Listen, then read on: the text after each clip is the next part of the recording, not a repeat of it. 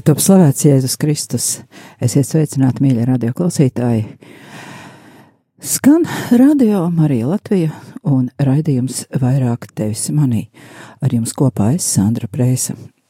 Tikko beidzās novembris, un jau iepriekšējā raidījumā es jums stāstīju, ka novembra mēnesī bija 28 dominikāņi svētie, kuriem ir piemiņas dienas.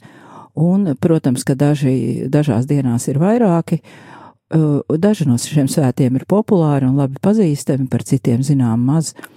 Un uh, labākajā gadījumā viņus piemin tikai ordeņa ietvaros, un šīs viņu piemiņas dienas nav atzīmējums kā svētki.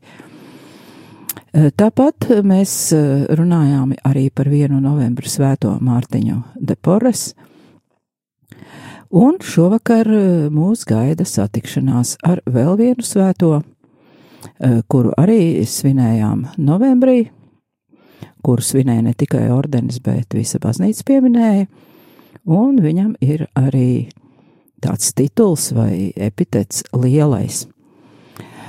Svētais ir apglabāts ķelnē, Svētā Andreja baznīcā, un, ja jūs nojaušat vai pat zinat, par ko es runāju, varat uzrakstīt man īziņā vienu vārdiņu, tikai viņa, viņa vārdu.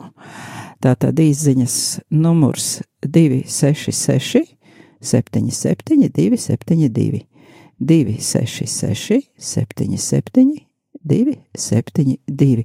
Priecāšos, ja atsūtīsiet īziņas, jo eh, varbūt tiešām jūs eh, svētos labi pārzināt un arī par šo svēto zināsiet un nojautīsiet, par ko tad mēs šodien runājam. Un tā tad līdz pat eh, muzikālās pauzes beigām sūtiet savas īziņas, svētā vārdu, par kuru šodien runāsim, bet tagad palūksimies Dieva tēva un dēla un svētā gara vārdā Āmen. Mīļais tēvs, mēs tev pateicamies par visiem svētajiem, kurus tu esi devis baznīcai, kurus tu esi devis, lai mēs dzīvotu svēto tedraudzībā un lai mums, kas vēl šeit cīnamies ar savu grēcīgumu un ar visām pasaules lietām, ka mums ir aizbildņi pie tevis debesīs, kuri svēto sadraudzības vārdā par mums var aizlūgt.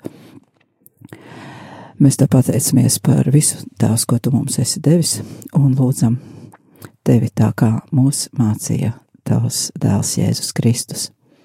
Tēvs mūsu, kas esi debesīs, svētīts, lai top tavs vārds, lai atnāk tava valstība, tavs prāts, lai notiek kā debesīs, tā arī virs zemes.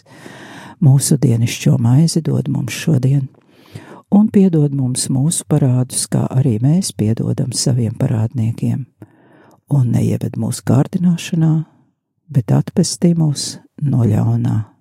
Āmen! O come,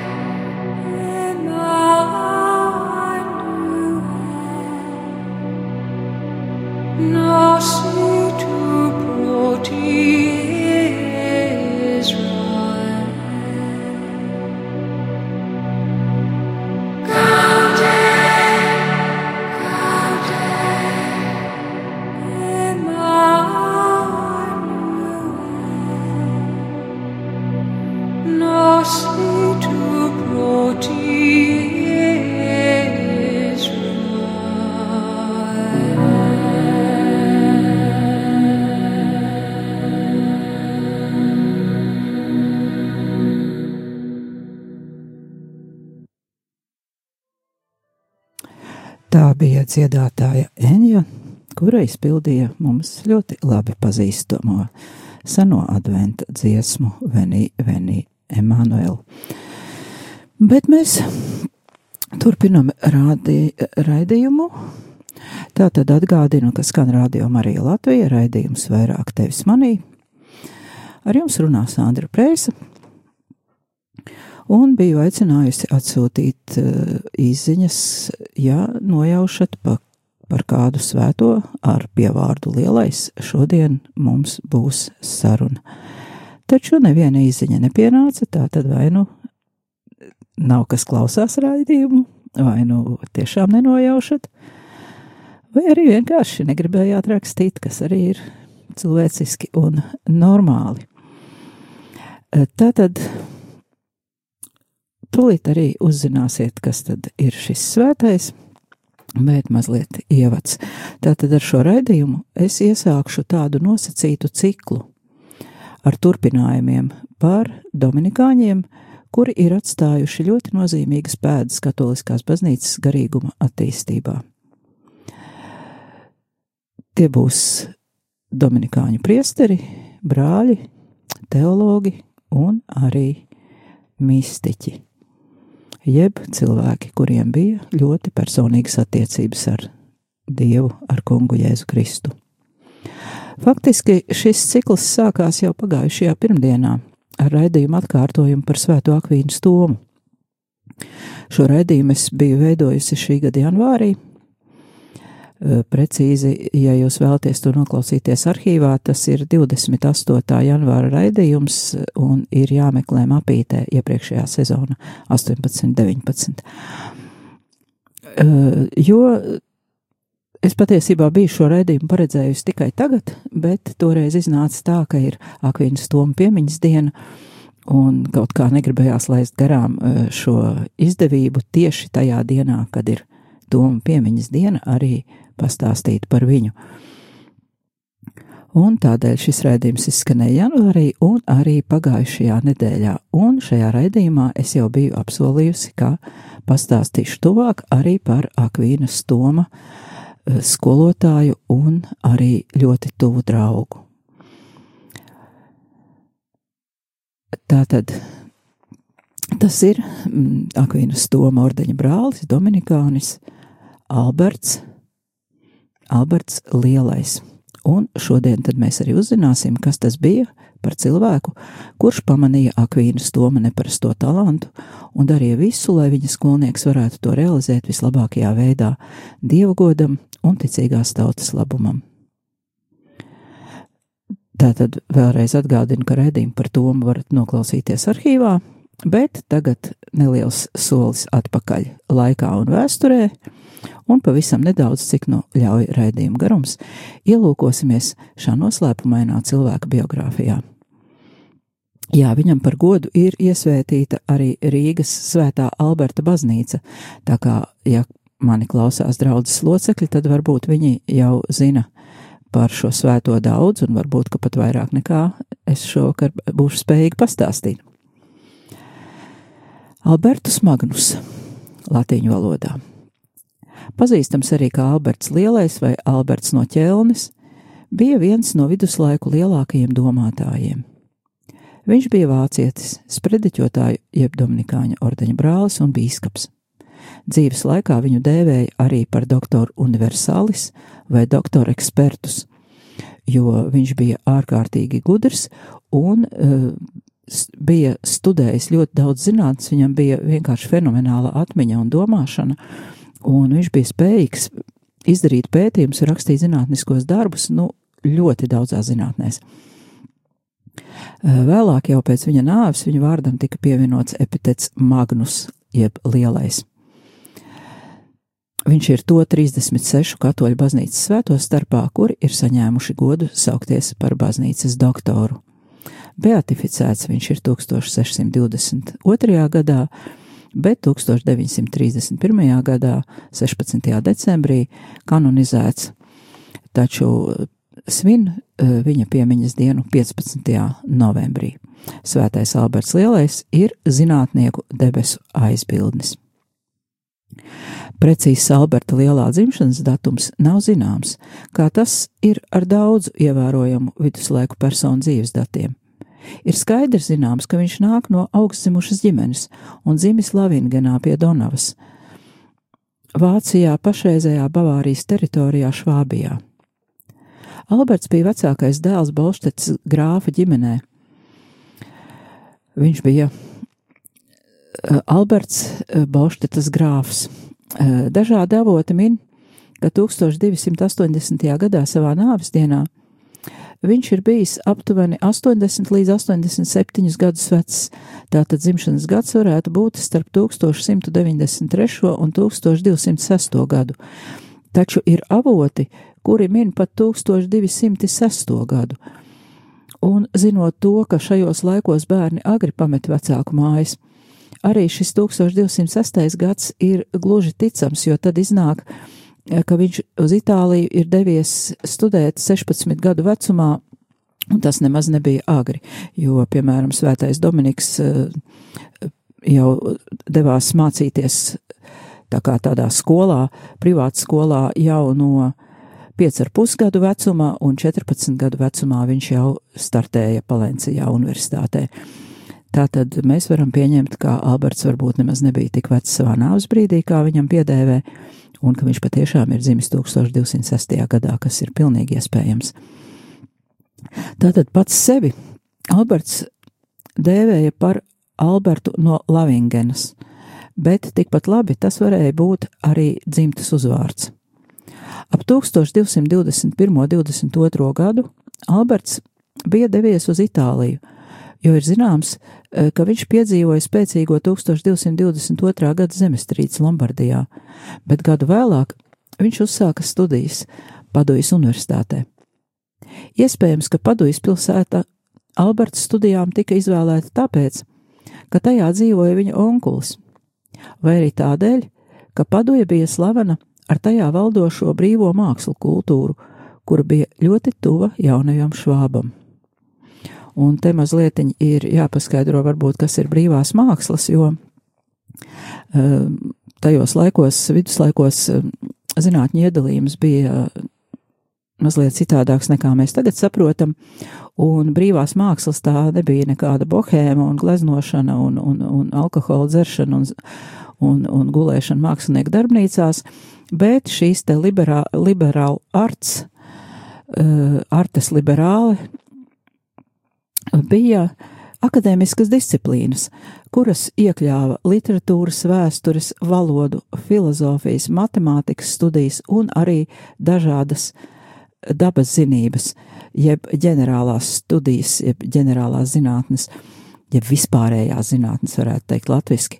Un šīs te vispārējās zinātnes ietvēra sevī, tā, tā bija tā kā interdisciplināra, interdisciplināras studijas un ietvēra sevī dažādas eh, dabas zinības, piemēram, bioloģiju, ķīmiju, eh, fiziku un arī matemātiku. Un izvēloties šo, šīs ģenerālās studijas, tā tad nāca, bija iespēja studēt, ja pētīt, eh, viss, izdarīt pētījumus un studēt visas šīs zinātnes. Uh,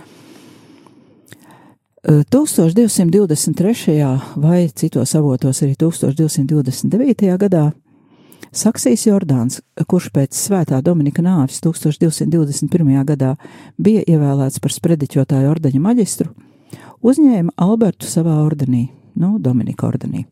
Stāsta, ka uz iestāšanos kādā reliģiskajā ordenī Albertu bija pamudinājusi visvētākā jaunā Marija, kuru viņš īpaši godinājis.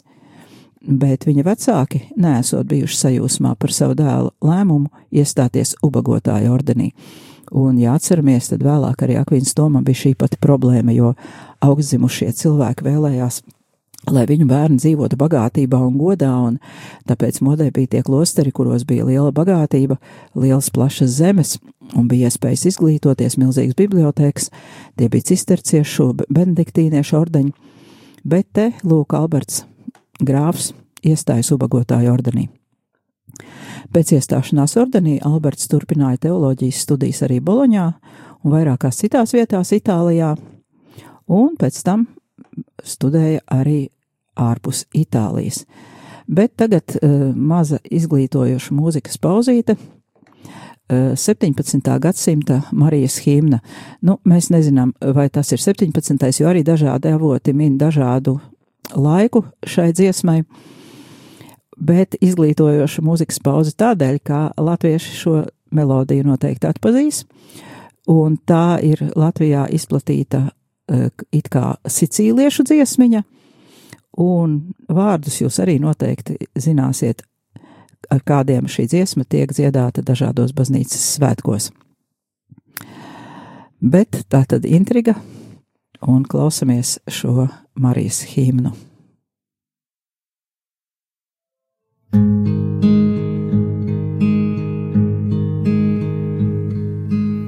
O Sanctissima,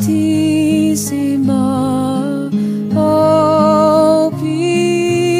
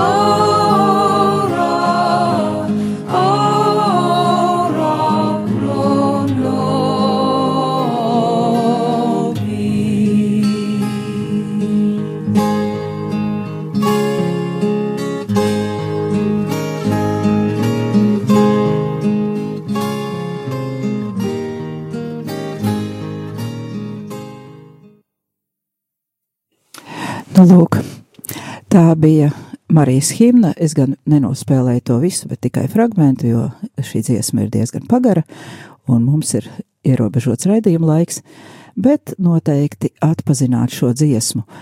Tā nāk no Sicīlijas, un uh, Sicīlijā, kā zināms, dzīvo katoļticīgi cilvēki un slavē jauno Mariju, un nav brīnums arī, ka Albertam Lielajam bija labas attiecības ar jauno Mariju lūkšanā, un ka viņš bija pat saņēmis caur viņas aizbildniecību šo aicinājumu uz ordeni. Un tā tad dziesmas vārdi bija apmēram tādi, ak, vissvētākā, vismaigākā saldā jaunā Marija, mīlošā māte, neaizskartā māte, lūdzies par mums. Bet brāļi Lutāņi šo dziesmu ir pielāgojuši visiem baznīcas svētkiem, to dzied gan Ziemassvētkos, gan Vasaras svētkos, bet pavisam ar citiem vārdiem. Un tā kā šai dziesmai tomēr tiek piedāvāts Sicīlijas izcelsme, jādomā, ka oriģinālais skanējums e, tai tiešām ir šis te Marijas, šī Marijas himna lūgums jaunajai Marijai, lai viņa par mums aizlūdz. Bet tagad kopā ar Albertu pametīsim Itāliju un itāļu dziesmas un dosimies uz augstākiem apgabaliem. Pēc studijām Itālijā Alberts tika nosūtīts uz ķelni, lai pabeigtu ordeņa formāciju. Šī formācija izpaudās kā teoloģijas studijas, kuras noslēdzās 1228. gadā. Pēc izcili pabeigtām studijām Alberts tika nozīmēts par lektoru ordeņa brāļiem, studentiem ķelnē. Vēlāk arī Hildeshēmā un Freiburgā, Regensburgā, Strasbūrā. Dominikāņu studiju mājās šajā laikā bija tādas uh, formācijas studiju vietas, kur brāļi tika izglītoti pirmajos gados, un pēc tam tika nosūtīti tālāk uz universitātēm. Šajā periodā Alberts uzrakstīja un publicēja savu pirmo lielo darbu De Natura Boni, jeb par labuma dabu, kuram iedvesma radās pēc diskusijas ar teologu un dzēnieku Filipu, Parīzes Dievmātes katedrāles kancleru. Es gan neatradu materiālu par to, vai Alberts bija tiešām bijis Parīzē un diskutējis ar šo autoru, pirms viņš uzrakstīja šo darbu, vai arī šī diskusija bija neklātienē vienkārši šo darbu lasot. Jo arī šis Filips uh, kanclers, kā viņš vēsturē ir iegājis ar šādu te vārdu Filips kanclers, uh, arī viņš ļoti daudz bija domājis un rakstījis par esamības transcendentāliem as aspektiem un arī par labumu, un viņa slavenākais darbs saucas Summa de Bono, jeb labuma summa, jeb summa par labo.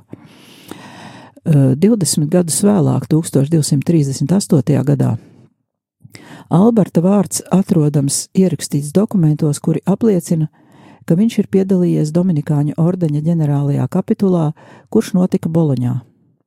Vēl pēc diviem gadiem viņš apmeklēja Saksiju, lai vērotu komētas parādīšanos. Laikā starp 1241 un 42 gadu Alberts tika nosūtīts uz ģenerālajām studijām Parīzes Universitātē. Lūk, šeit jau mēs zinām, ka viņš ir bijis Parīzē, bet, kā jau dzirdējām, savu darbu viņš ir uzrakstījis Dominikāņu studiju mājās Eh, kaut kur ap 1230. gadiem. Un tā tad, eh, jā, par to, vai viņš bija šo kancleru saticis personīgi, mēs nezinām. Eh, taču tagad viņš ir nosūtīts uz šīm ģenerālajām studijām Parīzes universitātē, lai viņš varētu saņemt grādu, kurš ļautu pasniegt augstskolās, ne tikai Dominikāņu studiju mājās. Parīzē viņš apmeklēja lecīju kursu, kurš balstījās uz Pētera Lombarda sentencēm, kā arī sāka rakstīt savu lielo darbu Summa Pariensis, Parisiensis, jeb Parīzes summa. Šis darbs sastāv no sešām nodaļām, un tajā apskatītas tādas tēmas kā baznīcas sakramenti, Kristus iemiesošanās un augšām celšanās, cilvēka daba un labuma daba. 1245. gadā Alberts, cita dominikāņu brāļa, Gerika no San Kventinas, jeb Gerika no Flandrijas vadībā, pabeidz teoloģijas studijas ar maģistra grādu, un to laiku maģistra grāds atbilst uh, pēc savas sarežģītības uh, mūsdienu doktora grādam. Tajā pašā laikā, pēc savas skolotāja nāves, Alberts sāk darbu kā pilna laika teoloģijas profesors Parīzes Universitātē un arī ir teoloģijas katedras vadītājs Svētā Jēkaba koledžā, nomainot savu pasniedzēju šajā amatā. Alberts ir pirmais vācu izcelsmes dominikāns, kurš ieņem tik augstu posteni Parīzes universitātē, jo viņa skolotājs Geriks no Flandrijas viņš gan pasniedza universitātē, bet viņš eh, nebija tik augstā amatā. Šajā laikā Studijas Parīzes Universitātē uzsāka vēl viens dominikānis, Toms no Akvīnas. Viņš kļūst par Alberta skolnieku un nākamos trīs gadus turpina studijas Alberta vadībā. 1248. gadā Dominikāņa ordenis izveido ķelnē ģenerālo studiju māju, kura kļūst par iesākumu pirmajai Vācijas universitātei. Alberts tiek iecelts par Dominikāņu ģenerālo studiju vadītāju, jeb reģentu. Šā kalpojuma dēļ Alberts atstāja Parīzi, kopā ar Tomu, kurš šajā laikā jau ir kļuvis arī par savu skolotāju tuvu draugu. Toms turpina savas studijas Alberta vadībā un kalpo arī kā studiju maģistrs ordenī līdz pat 1252. gadam. Tad Toms atgriežas Parīzē, lai universitātē liktu lietā savas skolotāja prasmes, kamēr Alberts paliek ķelnē, kur viņš sāk strādāt pie uzdevuma, kur pats sev izvirzīs - uzrakstīt komentārus visiem Aristoteļa darbiem, kuri tajā laikā bija atrodami. Nu, un par šo iespējams viņš bija arī ietekmējies no sava skolotāja Gerika, jo Geriks esot bijis ļoti aizrāvies ar Aristoteli visvairāk no visiem eh, dominikāņiem vēsturē. Eh, savukārt Alberts ir pirmais, kurš komentējis praktiski visus Aristoteļa darbus, tā padarot tos plašāk pieejamus akadēmiskajām debatēm.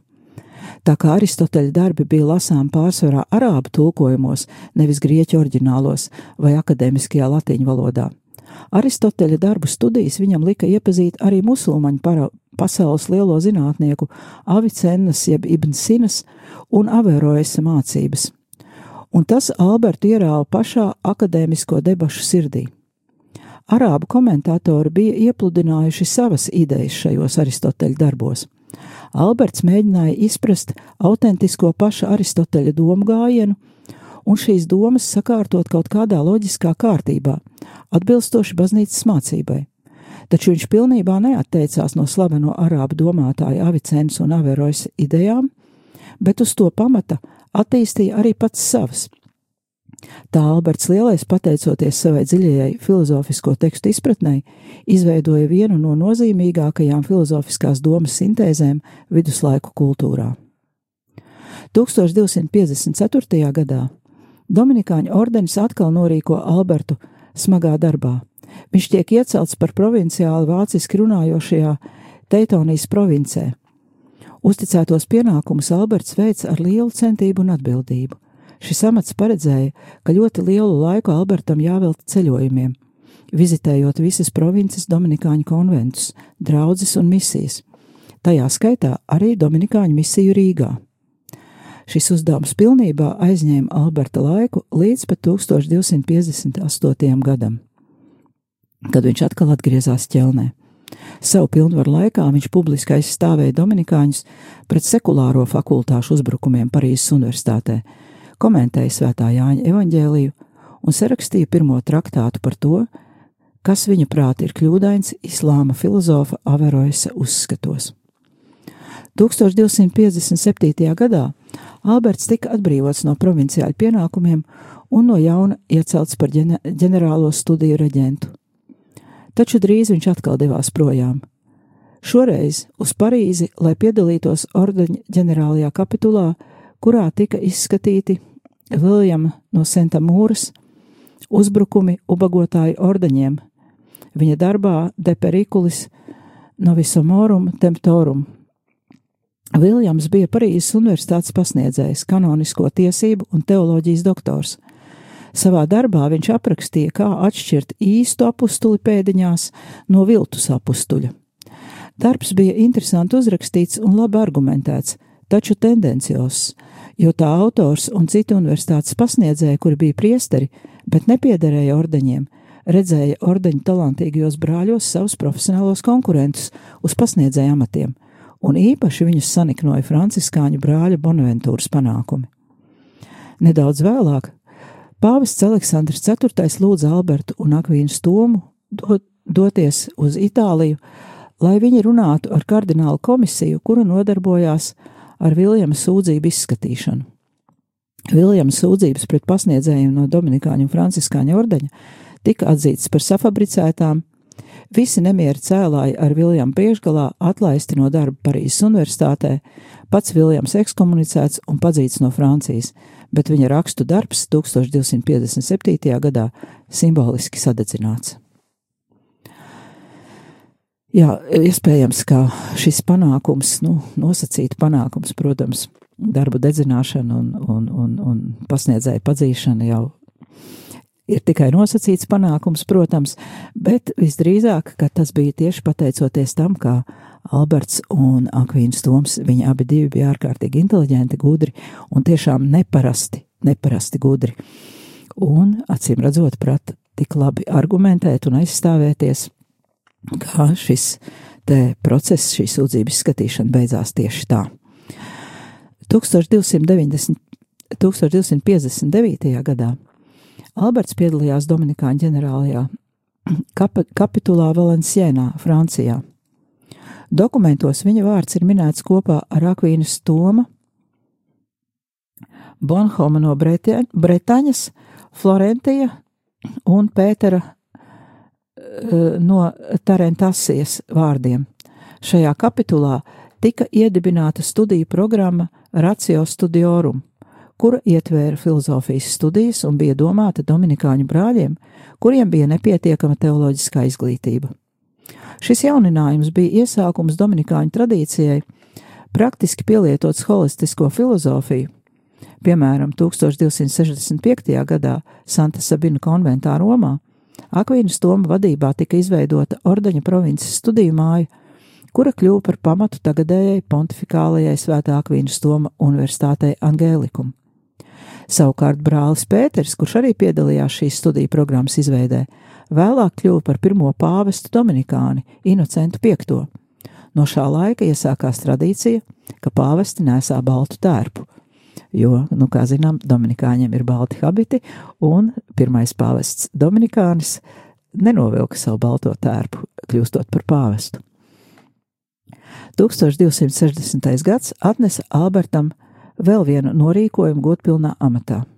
Lai gan toreizējais ordeņa maģistrs Humberts no Romaņas pretojās pāvesta lēmumam, jo negribēja zaudēt ģeniālu pasniedzēju, pāvests savu lēmumu nemainīja. Alberts pazemīgā paklausībā pieņēma pāvesta vēlmi un piekrita, ka viņu konsekrē par katoliskās baznīcas bīskapu ar nosūtījumu kalpot Ratisbonas tagadējās Rēgensburgas diecēzē lai veiktu reformas un novērstu diecēzē notiek, notiekošos pārkāpumus. Kā vienmēr, Alberts pildīja uzticētos pienākumus ar vislielāko dedzību un ieguva ļoti pazemīga cilvēka slavu, jo paklausot Dominikāņu ordeņa noteikumiem, viņš atteicās no zirgu izmantošanas un visus savus ceļojumus savas milzīgās diecēzes robežās veids kājām. Diecēzes ticīgā tauta viņu ļoti mīlēja un iesauca par zābaku bīskapu. Dedzīgais darbs diecēzē aizņēma visu Alberta laiku, un viņam vairs nebija iespēja nodarboties ar zinātni. Tāpēc Alberts lūdza pāvestu atbrīvot viņu no bīskapa amata. 1263. gadā jau cits pāvests, pāvests Urbāns IV, atbrīvoja Albertu no bīskapa pienākumiem un nosūtīja uz vāciski runājošajām zemēm sprediķot un aicināt uz astoto krustakaru. Šo kalpojumu viņš veica līdz 1264. gadam, kad devās uz Virsburgas pilsētu, kurā palika līdz 1267. gadam. Sekojošos astoņus gadus Alberts pavadīja krustām šķērsām apceļodams Vāciju un veicot vis, visdažādākos baznīcas uzdevumus. 1270. gadā Alberts nosūtīja uz Parīzi savu jauno traktātu, lai palīdzētu svētiem Tomam, Akvīnietim apkarot Sigaru no Brabantas un Averos, Averoesa piekritējus. Tas bija viņa otrais traktāts pret Arābijas komentētāju. Pirmais tika uzrakstīts 1256. Gada, gadā, un tā nosaukums latviski būtu ar veselo saprātu pret Averoesu. Un tagad par pēdējiem dzīves gadiem. 1274. gadā Pāvests Gregors desmitais, nu, redzam jau vēl viens pāvests, kur piedzīvo Alberts savā garajā mūžā, uzaicina Albertu ņemt dalību baznīcas koncilā, kurš notika Lionā. Ceļā uz Lionu Albertu sasniedza skumjā vēsts par Akvīnas Toma, viņa ilgadējā studenta un labākā drauga nāvi. Alberts nebaidījās publiski paziņot, ka ar Toma nāvi ir izzisusi baznīcas gaisma. Šis notikums viņu tik ļoti satrieca, ka visu atlikušo mūžu, izdzirdot pieminam Toma vārdu, viņš nebija spējīgs savaldīt asaras. Leons koncilā Alberts ņēma aktīvu dalību debatēs, bet pēc tā noslēguma atkal atgriezās Vācijā. Šajā laikā Alberts kļuva pazīstams kā izcils mediātors jeb strīdu pušu samierinātājs. Ķelnē viņš ir pazīstams nevien kā senākās Vācijas universitātes pamatlicējs šajā pilsētā, bet arī lielā sprieduma dēļ, kuru 1258. gadā, ar kuru, ar kuru 1258. gadā tika pārtraukts ilgus gadus pastāvējušais konflikts starp ķelnes pilsoņiem un arhibīskapu. Kaut kas no Alberta vecā spara un gara atgriezās 1277. gadā, kad tika paziņots, ka Parīzes universitātes kanclers un teoloģijas profesors, profesors Stefans Tempjē un vēl daži apvainoja viņa mīļāko skolnieku Akvīnu Stomu maldu mācības izplatīšanā, jau pēc Toma nāves jāpiebilst, jo viņš esot pārāk labvēlīgs pret neticīgo filozofu darbiem un domām. Ir ziņas, ka 1277. gadā Alberts esot veicis ceļojumu uz Parīzi, lai personīgi aizstāvētu Akvīnas Toma mācību, lai gan dokumentāli šāds ceļojums nav apstiprināts. Nu, un arī jāsaprot, ka 1277. gads tad Albertam bija nu vismaz 70 gadu. Pēc gada 1278. gadā svētās mises laikā Alberts piedzīvo slimības lēkmi, iespējams insultu, pēc kura viņš zaudēja savu ģeniālo atmiņu un spēja atcerēties vienīgi svarīgākās ticības patiesības. Viņa veselība strauji pasliktinās, nakts lūkšanu, askēzes un daudz atbildīgo pienākumu nogurdinātais ķermenis burtiski sabrūk zem lielās gadu nastas.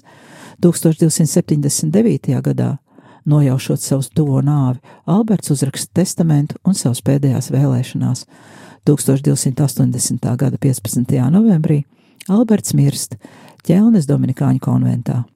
Trīs gadus pēc viņa nāves notiek pirmā pārbedīšana, un Alberta ķermenis tiek atrasts vesels trūdēšanas neskarts, bet nākamās pārbedīšanas laikā, 1483. gadā, no Alberta ķermeņa gan ir palicis tikai skelets.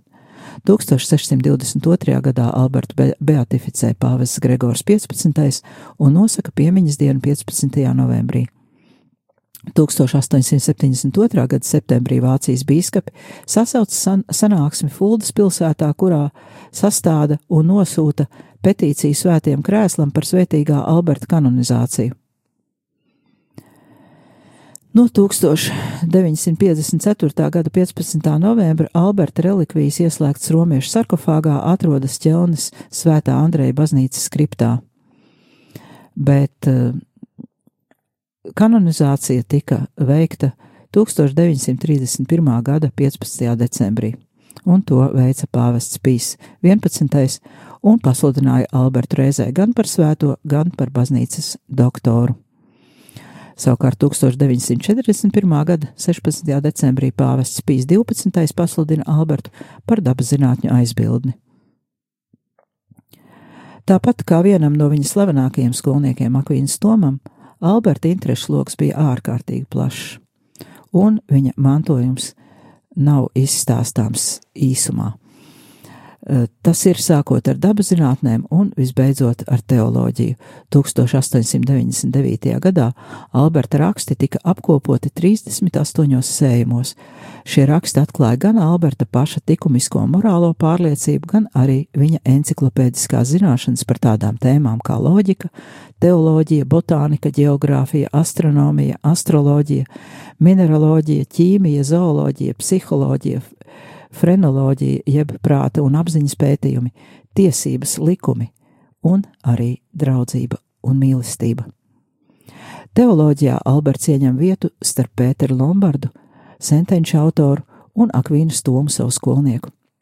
Sistemātiskuma, precizitātes un domas skaidrības ziņā viņš pārspēja Pēteru Lombardu, bet zaudēja savam māceklim Tomam. Alberta lielā teoloģijas summa pārkāpj šajā laikā ierastās zinātniskās domas robežas, atsakās no bezjēdzīgiem jautājumiem un iebildumu un argumentu ierobežojumiem. Tomēr viņa darbos un domāšanas veidā paliek pietiekami daudz klupšanas akmeņu, lai viņa māceklis Svētais Toms uzskatītu par nepieciešamu rakstīt pilnīgi jaunu teoloģijas summu, lai tā kalpotu par savam laikam atbilstošu rokas grāmatu jaunajiem teoloģijas studentiem. Doktora universālis galva bija tik pilna ar zināšanām visdažādākajās nozarēs, ka viņš nebija spējīgs savu teoloģijas izpratni adaptēt atbilstoši jauno teoloģijas studentu spējai un saprašanai. viņš rakstīja pārāk sarežģīti, taču viņš parādīja studentiem virzienu un deva saviem skolniekiem īsu, skaidru un pamatīgu zinātnisko pamatu, ar kuru palīdzību viņi bija spējīgi aizstāvēt kristīgo doktrīnu tās pretinieku priekšā. Tāpēc par Akvīnu Tomasu mēs sakām, ka esam pateicību parādā ne tikai Dievam, bet arī Albertam Lielajam. Alberts savos pētījumos lielā mērā balstījās uz praksi un eksperimentiem, taču viņš tik ļoti respektēja baznīcas autoritāti un tradīciju, ka daudzi no viņa atklājumiem un eksperimentiem netika publicēti. Alberts ļoti labi saprata, ka viņa teorijas un atklājumi astronomijā, fizikā un citās zinātnēs ir apsteiguši laikmeta domu, kurā viņš dzīvo, un tāpēc viņš izvēlējās klusēt.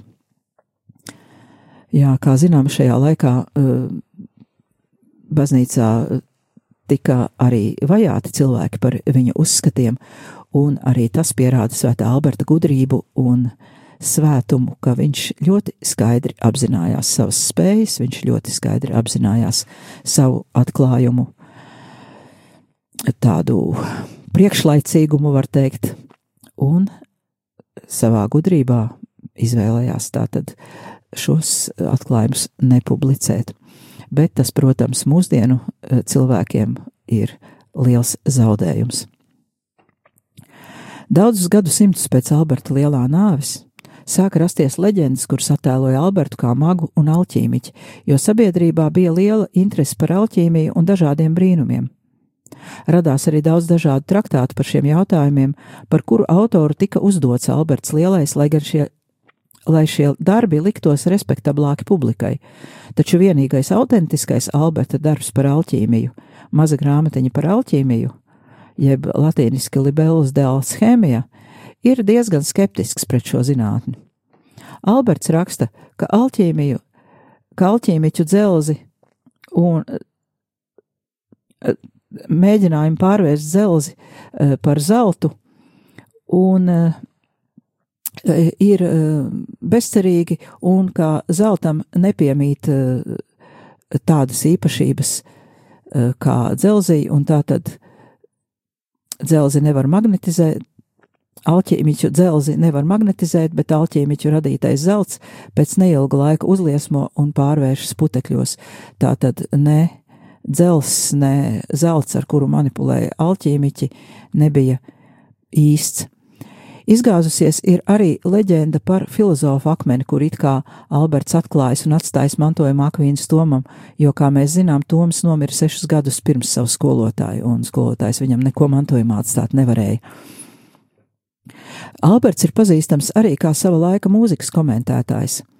Galvenie viņa mūzikas apskati atrodam viņa komentāros par Aristoteļa darbu poētika. Alberts noraida Aristoteļa ideju par sfēru mūziku, kura rodas debesu ķermeņa kustības rezultātā, kā smieklīgu, taču viņš daudz runā par matemātiskām proporcijām mūzikā, kā arī par trīs subjektīvajiem gregoriskās mūzikas līmeņiem, kur ietekmē cilvēka dvēseli. Pirmais - dvēseles attīrīšana no ļaunuma, otrais dvēseles apgaismošana, kura noved pie kontemplācijas, un trešais barojošais, kurā caur kontemplācijas augļiem dvēsele tiek novesta līdz pilnībai. Īpaši interesi 21. gadsimtā izraisa Alberta uzskats, ka klusums ir integrāla mūzikas daļa. Jā, un ļoti uzrunājoši, protams, ir šie te Alberta secinājumi par gregoriāniskajiem dziedājumiem un Alberts par draudzību. Lai gan par Alberta lielā personīgo un likumisko dzīvi nav saglabājies daudz vēsturisko materiālu, par viņa ideāliem liecina sarakstītie darbi. Alberts daudz runā par draudzību darbā de Bono, un arī jau pašā darba traktatus divi sākumā atklāja savus ideālus un morālos uzskats attiecībā uz draudzību. Vēlāk viņš atgriežas pie šīs tēmas savā darbā superētika Sekojot, kā attīstās viņa doma par draudzību un kā tā caurstrāvo visu šo darbu, ir redzams, kāda nozīme draudzībai bijusi svētā Alberta dzīvē. Alberts komentē Aristoteļa draudzības definīciju ar citātu no Cicerona, kurš raksta, ka draudzība nav nekas cits kā dievišķo un cilvēcisko lietu harmonija, labvēlība un mīlestība. Harmonija, jeb vienošanās, piebilst Alberts Alberts šo harmoniju sauc par konsensijom, vienošanās, labprātīga piekrišana, maiga un nešaubīga kustība cilvēciskā gara iekšienē. Jā, jo patiesa draudzība, lai tā notiktu, patiešām nevar būt bez cilvēka iekšējas piekrišanas. Alberts pilnībā piekrīt Aristotelim, ka draudzība ir tikums, taču Alberts uzskata, ka pastāv pārdabiska saikne starp draudzību un morālo labumu. Alberts apraksta vairākus labuma līmeņus - noderīgais, patērējamais, patīkamais un autentiskais, jeb nekvalificējamais labums. Tālāk tie kļūst par trīs draudzības līmeņiem, kuri attiecīgi balstās viens otrā. Draudzība, kura balstās izdevīgumam, amicita, ami, amicitia utilis, draudzība, kura balstās patikā, amicitia de, delectabilis un draudzība, kura sakņojas nedefinējumā labumā, amicitia honesti, amicitia quo fondatur super honestum. Dante Alighieri, kurš 14. gadsimta sākumā saraksta savu dievišķo komēdiju, bieži piemin Svēto Albertu kopā ar Tomu, un ir viņu padarījis par savas komēdijas varoņiem, un savu doktrīnu par brīvo gribu ir balstījis Alberta lielā ētiskajā sistēmā, bet kā pašu smagāko grēku savā komēdijā, Dante apraksta grēku pret draudzību. Cilvēki, kuri nodevuši savus draugus, kuri nodevuši tos, kuri viņus ir nesautīgi mīlējuši, Dante selē cieši pašas briesmīgākās mokas. Mūsu raidījums izskan, un šovakar mēs varam palūkties, lai svētā Alberta aizbildniecībā mēs spētu iepazīt augstāko labumu un iemācītos pieņemt un novērtēt patiesu draudzību. Paldies, ka klausījāties! Izskan raidījums vairāk tevis manī, ar jums kopā biju es, Sandra Prēsa, un atvados līdz nākamajai pirmdienai.